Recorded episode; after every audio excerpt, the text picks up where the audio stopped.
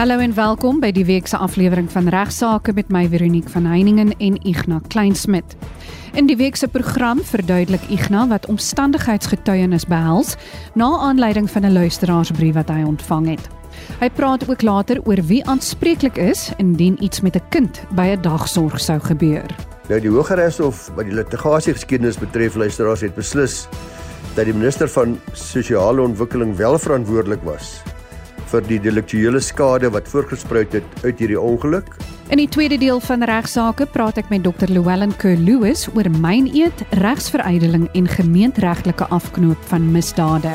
Ons sluit nou aan by Ignas Kleinsmid. Hy verduidelik wat omstandigheidsgetuienis behels na aanleiding van 'n luisteraarsbrief wat hy ontvang het.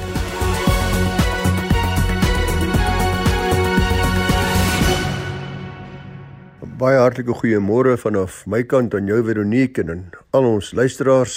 Lekker om met u te gesels oor regsaake. Baie dankie ook aan Gustaf van der Hoeven wat vir my, as 'n kollega van my wat vir my 'n mooi briefie skryf. Hy sê onder andere wat hy die meeste geniet van regsaake is die bietjie humor wat ek so nou en dan met hulle deel. So ek gaan uh, aan sy versoek voldoen en vir u so mooi 'n storieetjie vertel uit die boek Stilte in die Hof, Shut Up Footsack van Isak Norke. Nou Isak was ook onder andere vir 'n lang ruk 'n prokureur gewees en hy sê Dominee Visser het uh, om eendag kom sien om vertel dat een van sy ouderlinge het baie seer gekry terwyl hy met huisbesoek besig was. En kan ek hom asseblief help nou? Isak het hom gaan besoek daar in die Boksburg Hospitaal. Hy het maar sleg gelyk en in die saal langsaan was 'n vrou wat ook net so sleg gelyk het. Nou die gemeentelid was nie tuis op sy klein hoewe toe die broer ouderling nou daar gearriveer het met huisbesoek nie en hy was ook nie gou terug verwag nie. Maar ou uh, Thomas Ignatius het onverwags tuis gekom en die eerste wapen wat hy in die hande kon kry was so 'n knoetsige hokstok. Nou die eerste hou het op die ouderdom se kaal boude geval wat nou huisbesoek gedoen het. Die tweede hou het op die dame se kop geval en so het hy hulle albei redelik sleg aangerand. Maar ou Thomas Ignatius het beweer dat sy vrou adultery gepleeg het en dat hy demmertjies gaan eis teen die ouderling. Nou Isak sê hy het hom toe meegedeel dat hy van poging van moord aangekla kan word en dit hulle albei redelik ernstig aangerand. Nou ja, dan kan ons maar settle. Het Thomas Ignatius gesê nie. Saak het nooit voor die hof gedien nie. Daar was ook nie 'n skandaal in die NG gemeente nie, want Thomas Ignatius het aangedui dat hy bereid was om te settle vir 'n kan wyn. Dan nadermal dit 'n mondelingse settlement was, en nadermal dat Tom nie te vertrou was nie, het die oorhandiging gelyktydig geskied met die oorhandiging van my kliënt se broek wat toe nog by Tom uh, se huis was, by Thomas Ignatius se huis was. Nou dis 'n pragtige ou storieetjie van 'n settlement buite die hof en 'n uh, terloopse hokstok.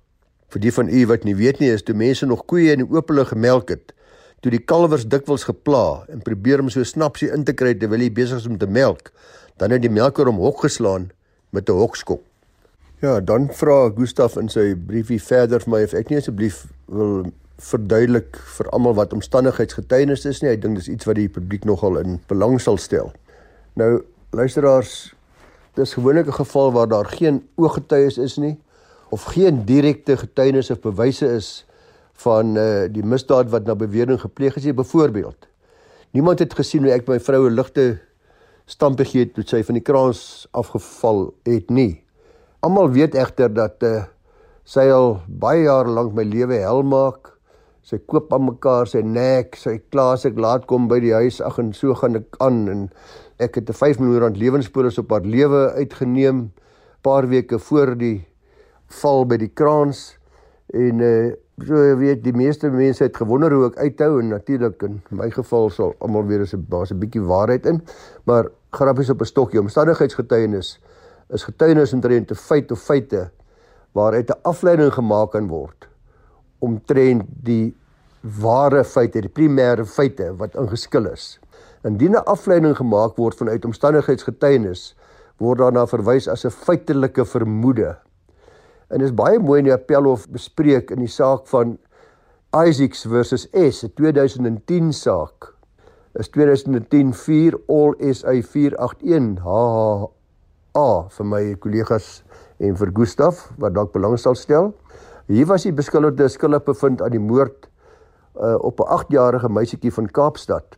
Die dogter se liggaam was gevind in die nabye omgewing van 'n vullis verwyderingsterrein 8 dae nadat sy vermis aangemeld was deur haar oupa en ouma. Sy het by haar ouma en oupa gewoon op die stadium wat sy vermis aangemeld was en op die relevante tyd was sy beskuldig deur die buurman van die oupa en die ouma en was sy ook die laaste persoon wat na aanleiding van getuies haar laaste gesien het. Daar was 'n aanvaar dat die meisie met die beskuldigde gesels het oor die heining wat tussen haar oupa en ouma se huis en die beskuldigde se huis was. Nou die dogtertjie het blykbaar oorgestap na die beskuldigde se huis en hom gevolg na die agterplaas. Die beskuldigde het natuurlik getuig hy weet nie wat daarna met die meisie gebeur het nie, want hy was onder die invloed van dwelms en uh hy uh definitief geen wat hom betref 'n uh, aandeel gehad aan haar dood nie. Die Hooggeregshof het die beskuldigde wel skuldig bevind aan moord en die uh vonnis was grootliks gebaseer op omstandigheidsgetuienis. Op appel is daartoe weer dan die hele saak gekyk en daar's weer deur die appelhof bevind dat die Hooggeregshof het wel gesteun op omstandigheidsgetuienis soos getuienis van die bure wat die beskuldigdes alibi weerspreek het as ook items wat die polisie versamel het op die toneel waar die meisie se liggaam gevind is. Die polisie het 'n faktuur van 'n houtbord gevind in die omgewing van die meisie se liggaam dit verbind met 'n houtbord wat hulle in die beskuldigde se huis gevind het. En naby die liggaam van die meisie het die polisie ook sakke gevind waarop DNA van haar gevind is. Die polisie het dieselfde maak en dieselfde soort sakke in die beskuldigde se huis gevind en hom ook op daardie manier indirek verbind met teenwoordigheid naby die lijk van die dogtertjie. En verder omstandigheidsgetuienis was 'n verklaring van 'n polisiebeampte wat gehoor het toe die beskuldigde dis nou hoor sê getuienis aan sy moeder iets gesê het oor die moord op die meisie. Die moeder het 'n verklaring geteken wat die openbaring van haar seun en haar ondersteun en later haarself daarvan gedistansieer deur te beweer dat sy ongeletterd was en dat sy nie die inhoud van die verklaring wat sy geteken het verstaan het nie, dat sy met ander woorde onwetend uh, hierdie beweringe gemaak het. Die Hoogste Hof van Appel kyk nou na omstandigheidsgetuienis en kyk dan die kumulatiewe effek van al hierdie getuienis wat voor hulle gelei is en veroorsaak deur al die items sê die hof moet hierdie omstandigheidsgetuienis in die geheel oorweeg word. Met ander woorde, die hof het bepaal dat die staat nie die hof moet oortuig dat elke item wat dien as getuienis individueel die weergawe sal weerspreek nie van die beskuldigde nie, maar dat al die relevante getuienisse gesien moet word as 'n geheelbeeld wat dan uiteindelik bo redelike twyfel die beskuldigde se skuld sal bepaal. Die hof het na twee kardinale beginsels verwys wat nagekom moet word alvorens 'n afleiding of feitelike vermoede gemaak kan word. Dis met ander woorde op omstandigheidsgetuienis. Eerstens moet die afleiding met die bewese feite versoenbaar wees en tweedens moet daar geen redelike afleiding uit daardie bewese feite gemaak kan word nie. Die hof het beslis dat die staat wel bo redelike twyfel bewys het dat die beskuldigde in hierdie geval die jong dogter vermoor het en sy appel is bloot op grond van omstandigheidsgetuienis van die hand gewys. Goed. Dankie Ignas vir die interessante inligting rakende omstandigheidsgetuienis. Ignas gaan nou voort met 'n ander onderwerp. 'n Baie teer een na 'n saak in 2021 in Bredasdorp waar 'n kind by 'n dagsorg baie seer gekry het. Ja, ek deel graag met julle luisteraars 'n saak wat handel met die vraag wie aanspreeklik is as iets gebeur by die dagsorg of by die skool as gevolg waarvan daar skade is en jou kind nie ongedeer terugkom huis toe nie. En natuurlik wil alle ouers hulle kinders veilig by 'n dagsorg of skool hê. En wat in hierdie geval gebeur het word bespreek in die uitspraak in 'n baie onlangse saak van BE namens JE versus die LER vir sosiale ontwikkeling van die Wes-Kaap. So ek sê uitspraak wat hierdie jaar gelewer is. Wat gebeur het in hierdie geval in Bredasdorp op 27 Augustus 2021 het 'n houtbalk wat deel is van 'n swaai op 'n 5-jarige kind se kop geval terwyl hy op die swaai gespeel het.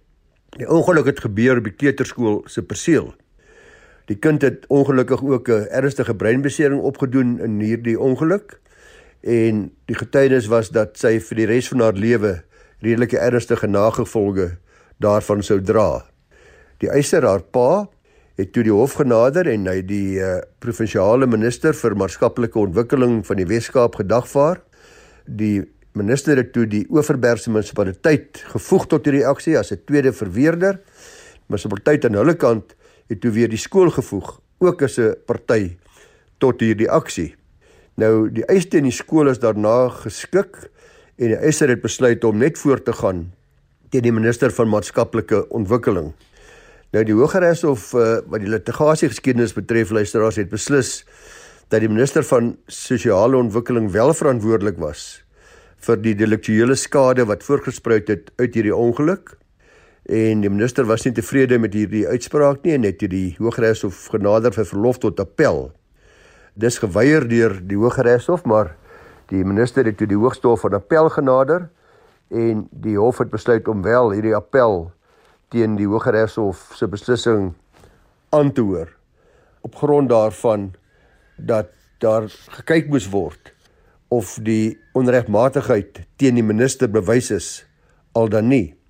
Die hof het hier bevind dat die minister nie belas kan word met die primêre rol om die plek van versorging in kinderhuise en plekke van veiligheid en skuilings te bedryf nie, maar wel is die minister vir maatskaplike ontwikkeling se plig bloot om hierdie soort van plekke te reguleer. So hulle het 'n reguleringsfunksie wat kan nie verantwoordelik gehou word vir wat van dag tot dag op daardie perseel van byvoorbeeld in hierdie geval die kleuterskool gebeur nie.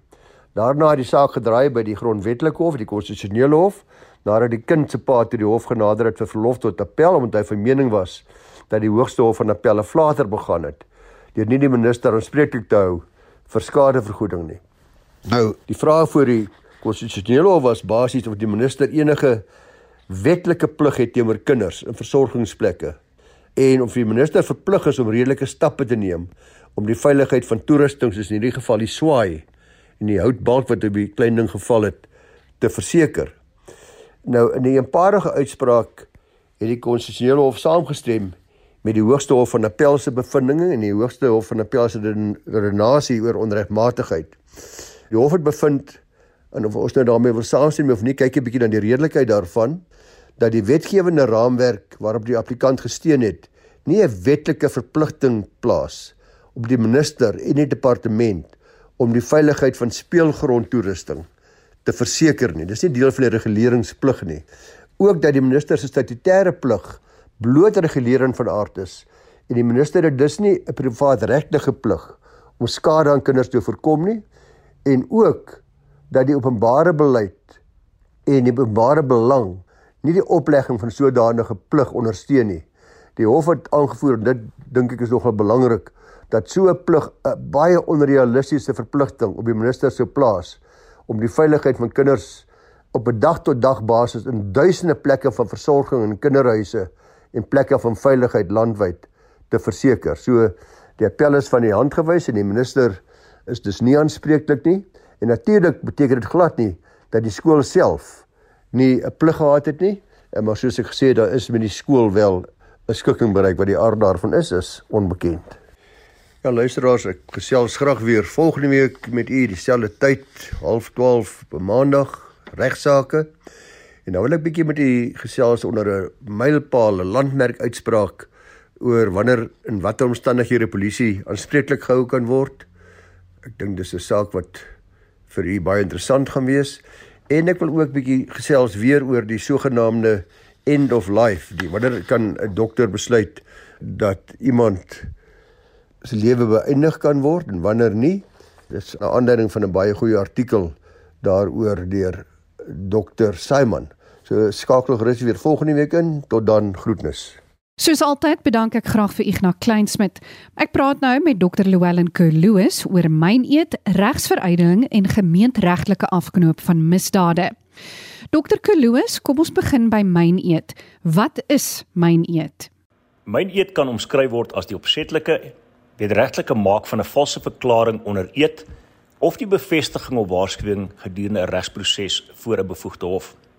Ons onderskei gewoonlik tussen myn eet en natuurlik die bewerkstelliging van myn eet. In teenstelling met myn eet is bewerkstelliging van myn eed die opsetlike en wederregtelike beweging van 'n ander persoon tot die maak van 'n valse verklaring onder eedbevestiging of waarskuwing gedurende 'n regsproses voor 'n bevoegde hof. Daar is natuurlik akademici wat beweer dat die vereiste van 'n bevoegde hof nie gestel behoort te word nie en bloot vereis dat die valse verklaring ter sake tot die geskilpunt moet wees. Wat behels hierdie vereiste van 'n valse verklaring? Die verklaring wat gemaak word, moet vals wees.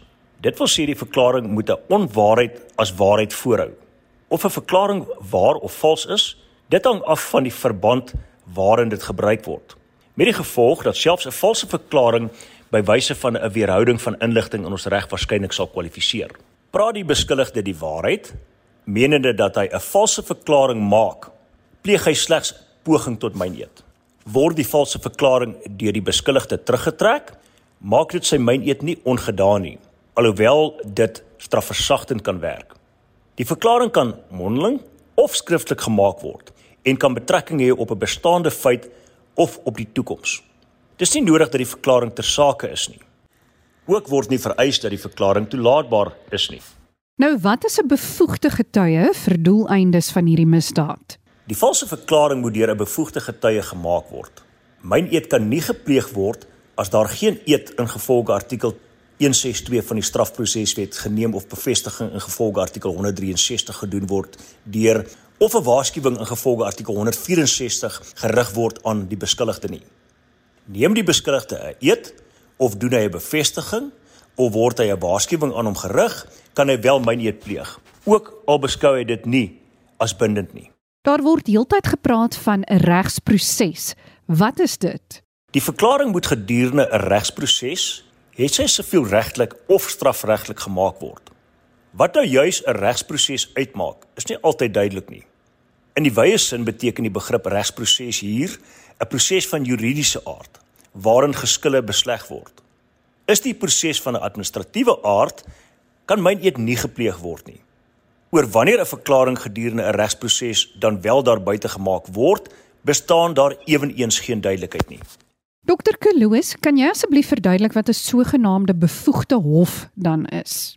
Die hof wat die geskil besleg, moet 'n bevoegde hof wees. Met ander woorde, die hof moet oor die bevoegdheid beskik om die betrokke saak te verhoor en daaroor te beslis. Ek het vroeër melding gemaak van die misdaad bewerkstelliging van myn eed. Die bestaansreg van hierdie bewerkstelliging van myn eed is al by geleentheid baie bevraagteken. Aangesien dit in ieder geval of uitlokking tot of tot medepligtigheid van myn eed daarstel of selfs regsveruideling of regsbelemmering. Nietemin, dis hier waar 'n bietjie geskiedenis miskien van belang is. Artikel 319 subartikel 3 van die ou strafproseswet 56 van 1955 wat natuurlik ons huidige strafproseswet van 1977 voorafgegaan het. Bepaal dat iemand wat 'n verklaring onder eed het sy mondeling of skriftelik afgelê het en hy daarna weer onder eed 'n ander verklaring aflê wat met die eers bedoelde verklaring in stryd is. Homself aan die misdryf so skuldig maak en kan hy op die aanklag wat hom ten laste gelê word dat hy die twee teenstrydige verklaringe afgelê het by wyse van daardie twee verklaringe en sonder enige verdere bewys gelewer van daardie verklaringe skuldig bevind word. Hiervolgens sou daardie persoon dan skuldig bevind kon word, gestraf word met die strawwe wat regtens vir misdryf van myn eed voorgeskryf word, tensy daar bewys gelewer word dat toe hy elkeen van hierdie verklaringe afgelê het, hy werklik waar geglo het dat dit die waarheid is. Ten slotte rondom myn eed. Vir die persone wat steeds nie weet wat dit behels nie, u het al sekerlik gehoor van die Engelse term perjury. Nou ja, dit is presies wat myn eed is. Nou dokter, wat behels die misdaad regsveruideling dan? Regsveruideling of regsbelemmering kan omskryf word as die opsetlike en wederregtelike veruideling of belemmering van die behoorlike regspleging. So wat is veruideling of belemmering?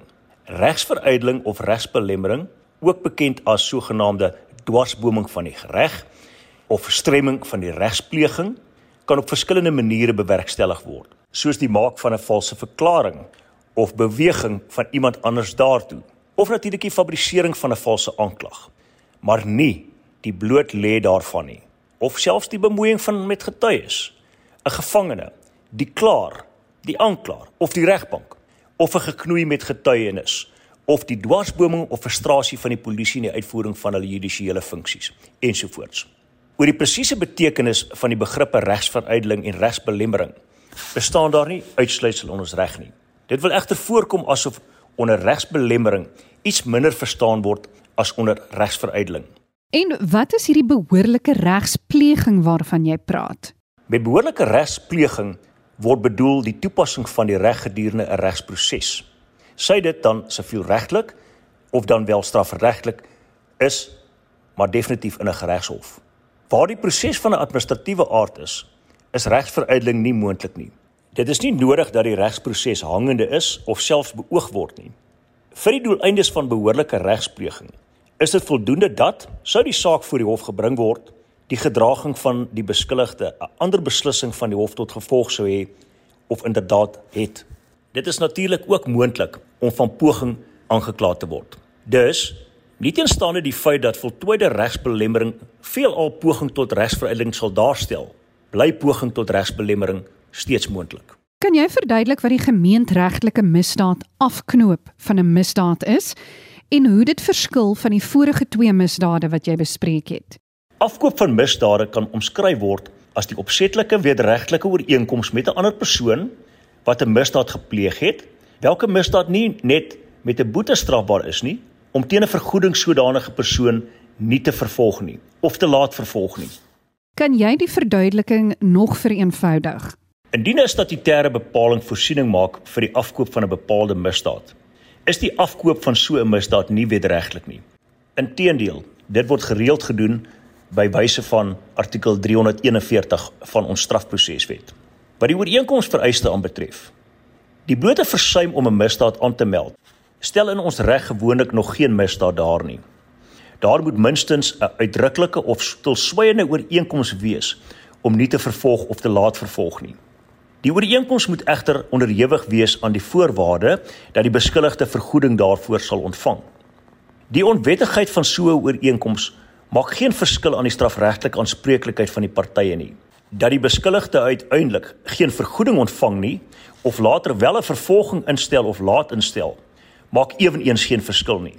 Mits daar maar 'n ooreenkoms was. Die sluiting van die ooreenkoms stel die voltooiing van die misdaad daar. Die ooreenkoms hoef nie met die persoon wat die misdaad gepleeg het aangegaan te word nie.